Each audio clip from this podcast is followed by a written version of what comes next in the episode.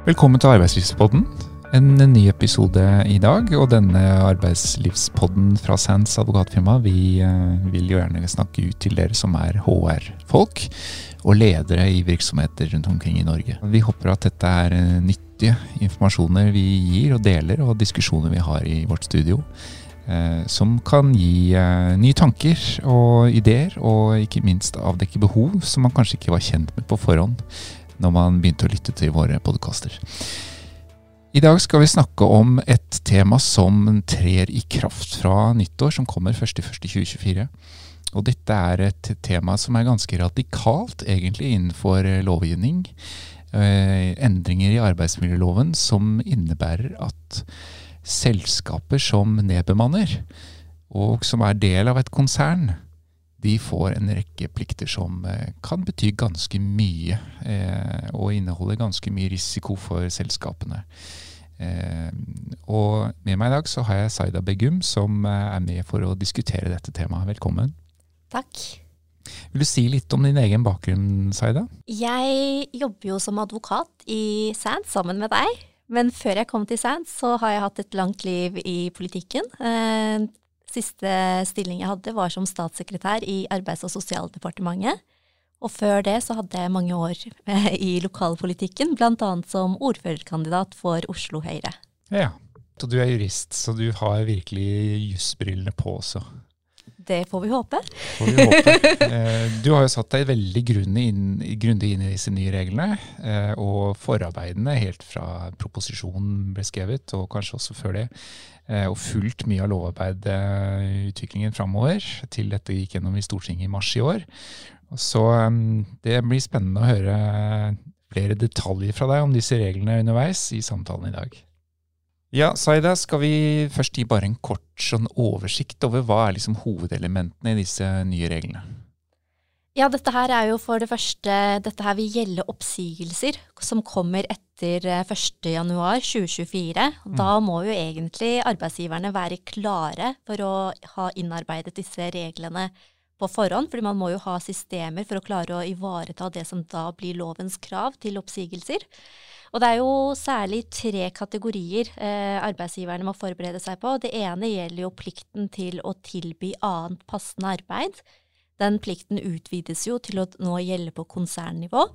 Så er det fortrinnsretten til ny ansettelse som også utvides til konsernnivå. I tillegg så får man jo en rekke drøfting og informasjonsplikter for morselskapet i konsernet. Ja, Så i forbindelse med en nedbemanning så trer disse pliktene inn? Ja. Så ved ordinære oppsigelser ellers, som skyldes at arbeidstaker ikke gjør en god nok jobb, så gjelder ikke disse reglene? Nei, og Det er jo greit også å ha med seg da at denne fortrinnsretten det er jo egentlig en fortsettelse av den plikten du har allerede når du vurderer å si opp noen i en nedbemanning. Eh, så skal du jo før du går til oppsigelse, ikke sant, vurdere annet passende arbeid, som du snakker om. Mm. Og så vil man, hvis man ikke finner annet passende arbeid å kunne tilby, og går til oppsigelse av folk, så vil de ha fortrinnsrett i ett år etter at oppsigelsestiden løper ut. Så det er på en måte en slags fortsettelse av den vurderingsplikten du har før du går til oppsigelse. Mm. Um, og så får det dette ganske radikal betydning. Jeg bare har sett på lovteksten det står. Det står jo da i, i de nye bestemmelsene om oppsigelse i arbeidsmiljølovens kapittel 15, så står det da at, at hvis arbeidsgiver i et konsern Eh, går til oppsigelse, så er ikke oppsigelsen saklig begrunnet dersom det er annet passende arbeid å tilby arbeidstaker i andre virksomheter i konsernet. Så hvis du sitter i et selskap, og et annet selskap har ledig stilling, men du vet ikke om det, og går til oppsigelse av en medarbeider i ditt eget selskap, så, så, betyr det at den er ikke begrunnet godt nok ut fra loven. Selv om mm. du ikke visste om det.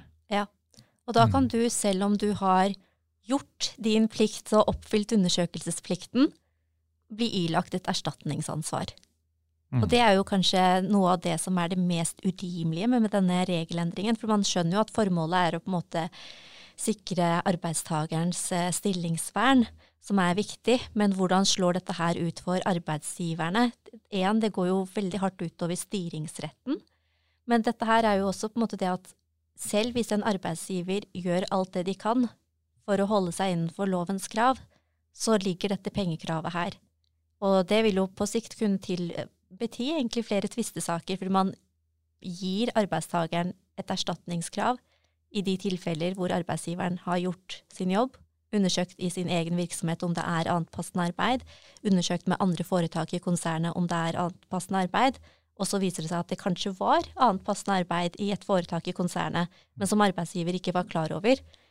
Da er det slik at eh, arbeidstaker kan kreve erstatning. Arbeidstaker kan ikke kreve å stå i stillingen eller eh, kreve en annen stilling. Det, det, har man, det, har man, jo adressert i proposisjonen, men pengekravet ligger der.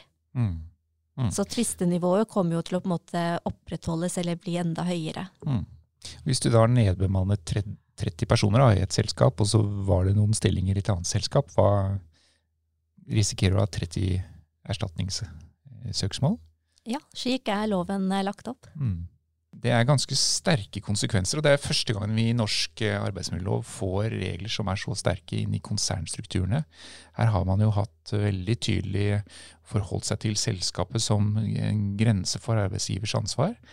Man har ansvar innenfor sitt eget selskap, bortsett fra noen HMS-plikter på byggeplasser og den type steder hvor man arbeider flere virksomheter sammen. Så der har det vært eh, noe av hensyn til HMS-forhold, at man har hatt eh, ansvar på tvers av selskapsgrenser. Men innenfor konserner har vi ikke hatt dette før. Så det, det tar jo hull på selve ideen om selskapet som ansvarssubjekt, og som en ansvarsbegrensning i aksjeselskapssammenheng. Mm. Og så, det, gjelder det jo bare norske foretak. Mm. Så det svekker jo også egentlig konkurransekraften til norske arbeidsgivere.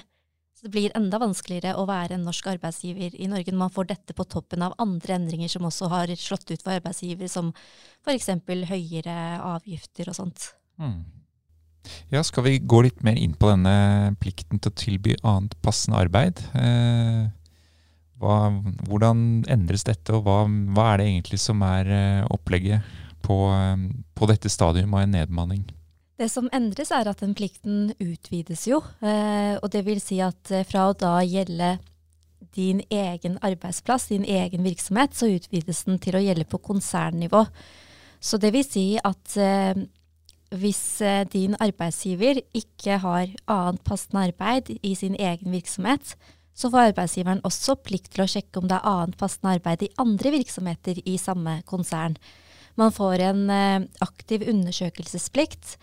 Og det vil si at eh, selv om man da har gjort sitt som arbeidsgiver og prøvd å finne annet passende arbeid og fått beskjed om at det ikke er noe ledig, og så viser det seg at det faktisk var, et, eh, var en annen stilling som ble lyst ut i en annen virksomhet senere, som kunne vært passende, så kan arbeidsgiveren bli ilagt et erstatningsansvar. Så da gjelder det jo å ha veldig god kommunikasjon på tvers av virksomhetene i en konsern for å fange opp ledige stillinger eller stillinger som skal lyses ut, som kan tilbys til de som eh, sies opp. Mm.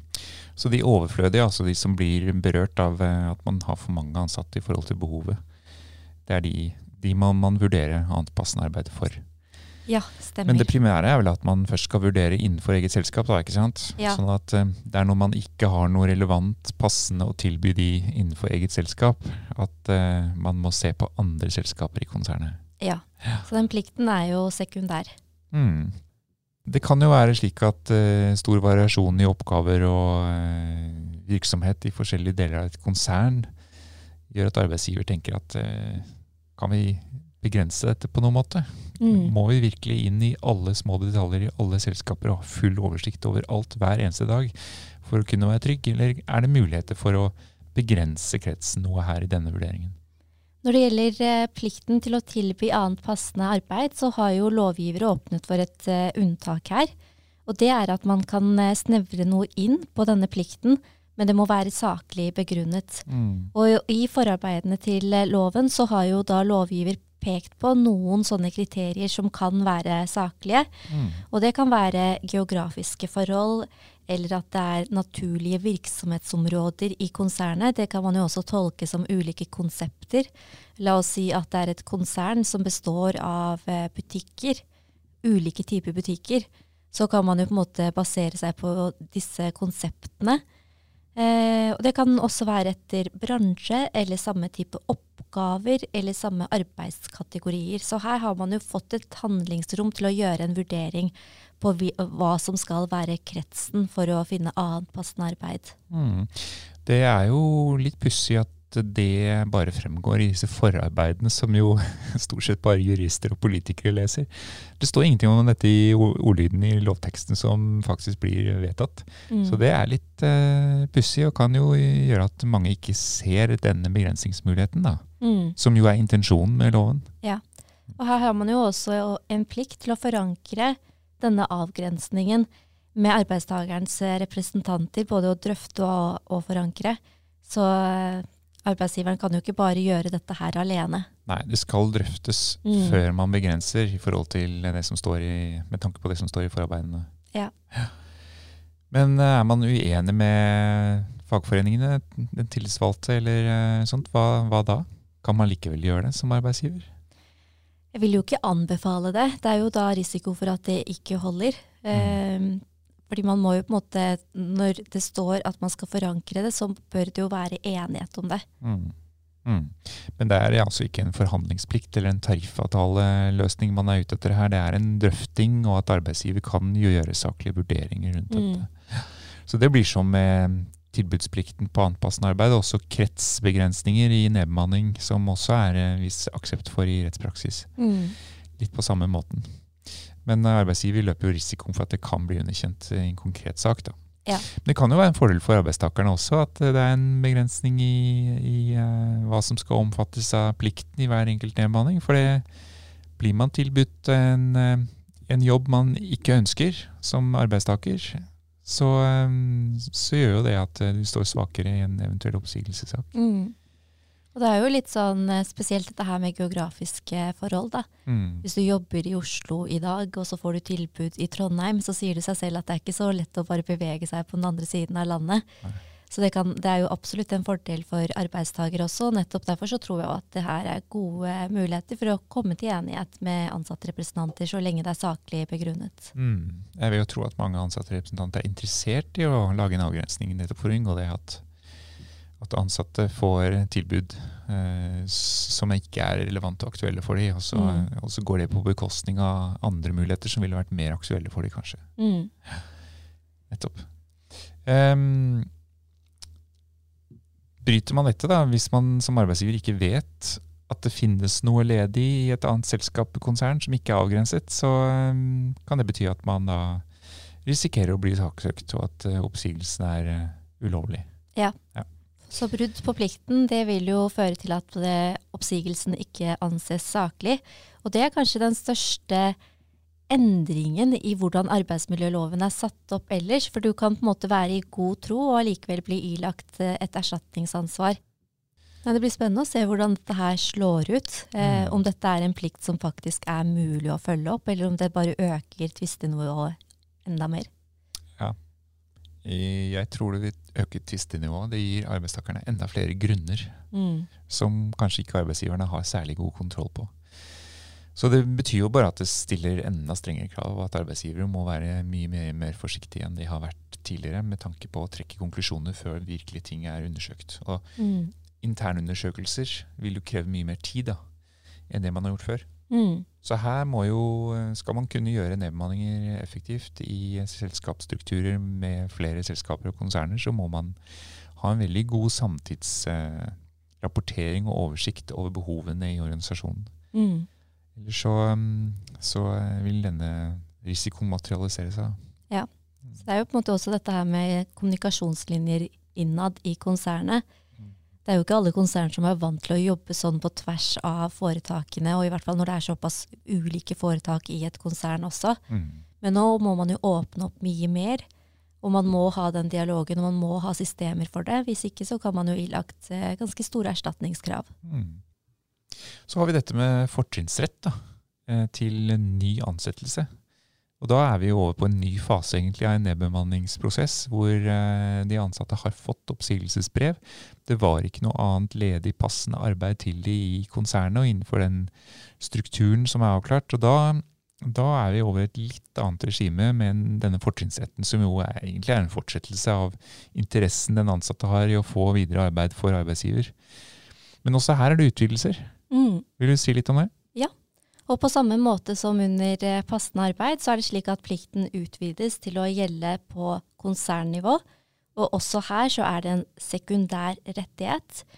Det vil jo da også si at la oss si at du får et tilbud om, eh, om en stilling i en annen virksomhet av konsernet, og du egentlig ikke er så interessert i den stillingen, så kan du si nei til den stillingen, men fortsatt beholde din fortrinnsrett i ditt eget arbeidsgiverselskap.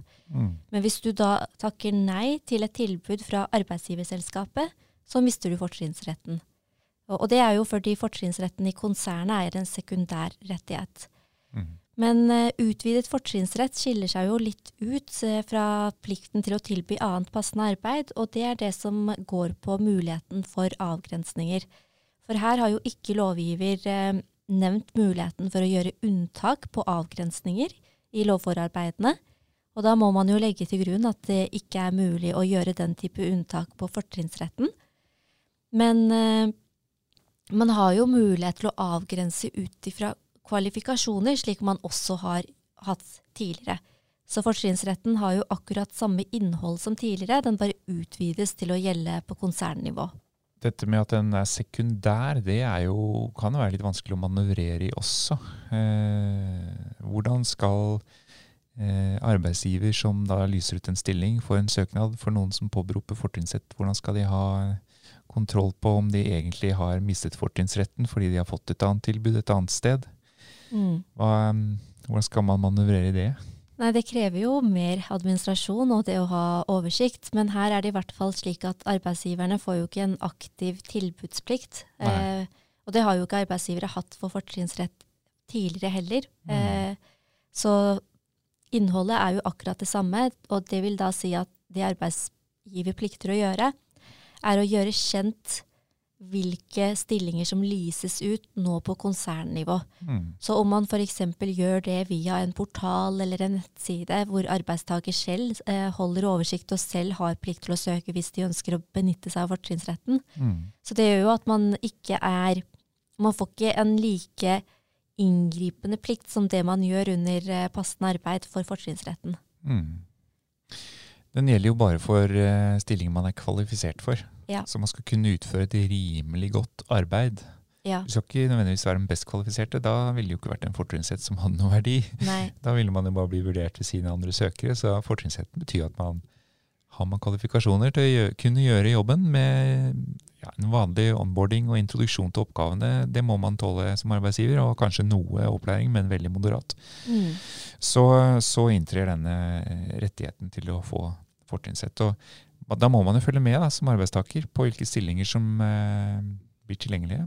Ja. Dette betyr også at arbeidsgivere har jo en viss form for utlysningsplikt på stillinger som er ledige. Hvis det finnes folk som har fortrinnsrett, så skal de ha en reell mulighet til å kunne finne stillingene og søke på det i tide. Mm. Og man har jo da også her en informasjonsplikt i sanntid. Mm. Så det vil si at eh, hvis det kommer nye foretak til her også, så plikter man å gjøre det kjent for arbeidstaker. Så Mm. man må ha en oversikt som hele tiden innbefatter alle foretakene i konsernet og ledige stillinger. Mm. Det er jo også en utfordring rundt oppsigelsesbrevene, for der kommer det jo også nye krav knyttet til dette fra 1.1.24. Mm. Så skal man altså i oppsigelsesbrevene liste opp alle selskaper i konsernet Ja. som eh, denne fortrinnsretten da vil gjelde for. Ja. Da må man være nøyaktig når man vedtar oppsigelsen og sender den ut, sånn at man får med alle. Ja. Eh, men så kan det jo oppstå nye oppkjøp. Noen Mm. selskaper eh, kjøper jo andre selskaper titt og ofte. Og det kan hende man også beveger seg fra 49 eierskap til eh, 50,1 Mm. eh, over natten. Og Ja.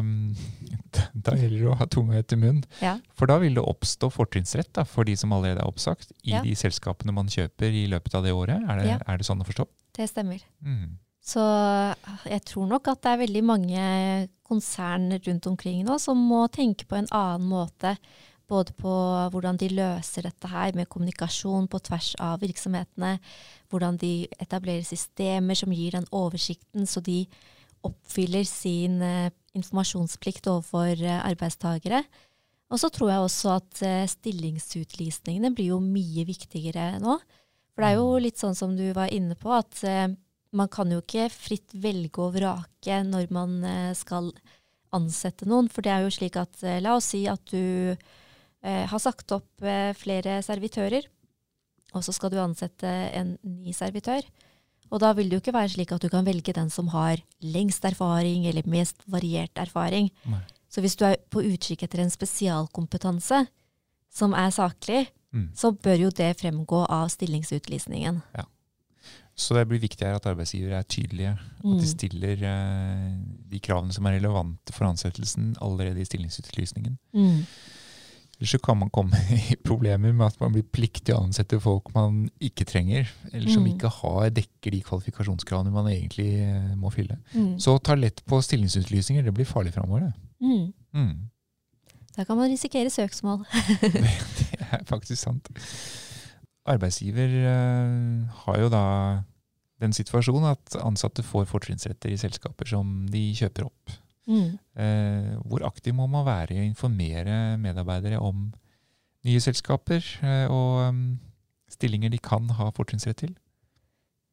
Arbeidsgiver får jo ikke en tilbudsplikt her, så den plikten går ikke like langt som det, det den gjør under eh, bestemmelsen om eh, og det å tilby annet passende arbeid.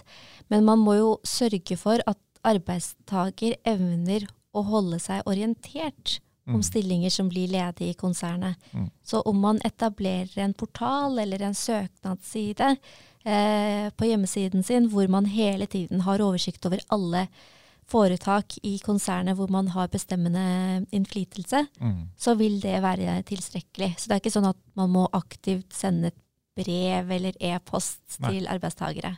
Nei, så denne informasjonsplikten, den skriftlige informasjonsplikten på individuelt nivå, den stopper med oppsigelsesbrevet, egentlig. Ja. Og så må du sørge for at informasjon er tilgjengelig Ja. i form av en eller annen form, så, de ansatte kan orientere seg. Ja. Mm. Også med informasjon etterpå. Du har heller ikke plikt til å oppsøke arbeidstakere fordi de har fortrinnsrett. Sånn at de, Mm. de må selv følge med og sende søknad og dokumentere at de har fortrinnsrett. Mm. Men det kan jo hende at du får, sitter som arbeidsgiver i et annet selskap, uh, har lyset en stilling, og noen søker og legger ved oppsigelsen sin og skriver 'hei, jeg har fortrinnsrett'. Uh, og så vet du ikke om de uh, kanskje har fått tilbud i et annet selskap Mm. og takket nei, da. Mm. For eh, det er jo slik at fortrinnsretten bortfaller hvis det, man har takket nei til et tilbud eh, med 14 dagers eh, akseptfrist. Og dette er jo situasjoner som kan oppstå, for det er jo vanskelig å orientere seg om alle rettigheter og plikter man får, Mm. både som arbeidstaker og som arbeidsgiver. Ja.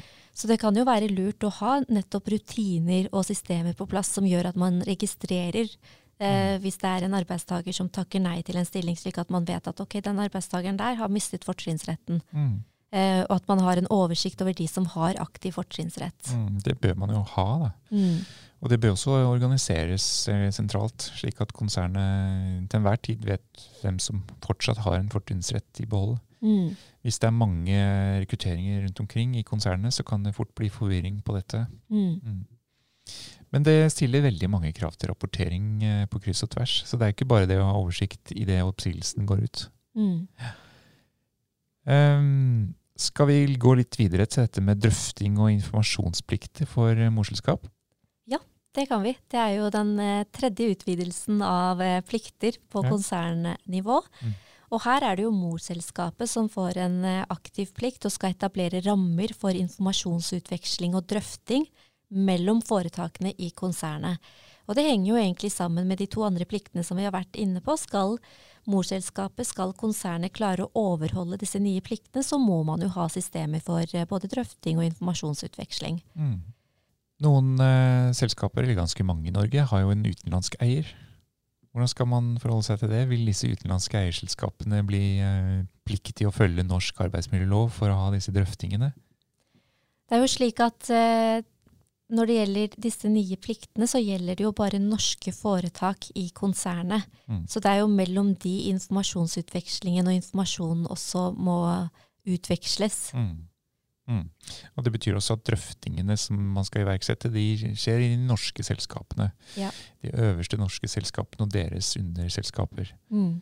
Så man får ingen plikt som utenlandsk foretak. Det betyr at de slipper jo billigere unna, og det vil enklere kunne forholde seg til, eh, til, til dette. Eller de slipper å forholde seg til dette. Ja, og det er det jo en del som også reagerte på når man hadde høring om, eh, om denne loven. Så var det en del som påpekte nettopp det at dette vil jo svekke den norske konkurransekraften, for det kommer på toppen av andre eh, hva skal jeg si, eh, ting som har kommet for eh, norske arbeidsgivere, slik som økt arbeidsgiveravgift. Og, Mm. så summen av eh, plikter man blir ilagt som en norsk arbeidsgiver, begynner jo å bli ganske stor. Mm. Det blir jo en byrde, og selv om det ikke er så lett å regne alt ut i kroner og øre, så er det jo enhver økt administrativ forpliktelse Mm. er Det jo har en en kostnad. kostnad, ja. Ja. Mm. Ofte litt sånn skjulte kostnader, men at det belaster eh, resultatene i virksomheten og gjør at norske virksomheter må ta mer betalt for sine tjenester og varer. Det, Mm. det er jo en konsekvens av det. Ja. Det kommer man ikke unna. Denne drøftings- og informasjonsplikten i, eh, i konsernene, den, den, det, det skal være en slags sånn samarbeidsform eller samarbeidsordning, er vel begrepet som brukes i lovteksten. Mm. Så det er jo ikke en veldig fast og rigid struktur. Mm. Eh, og sånn jeg oppfatter det, så kan man utforme denne ganske fritt innenfor eh, selskapene, innenfor konsernet, i samarbeid med de ansattes representanter.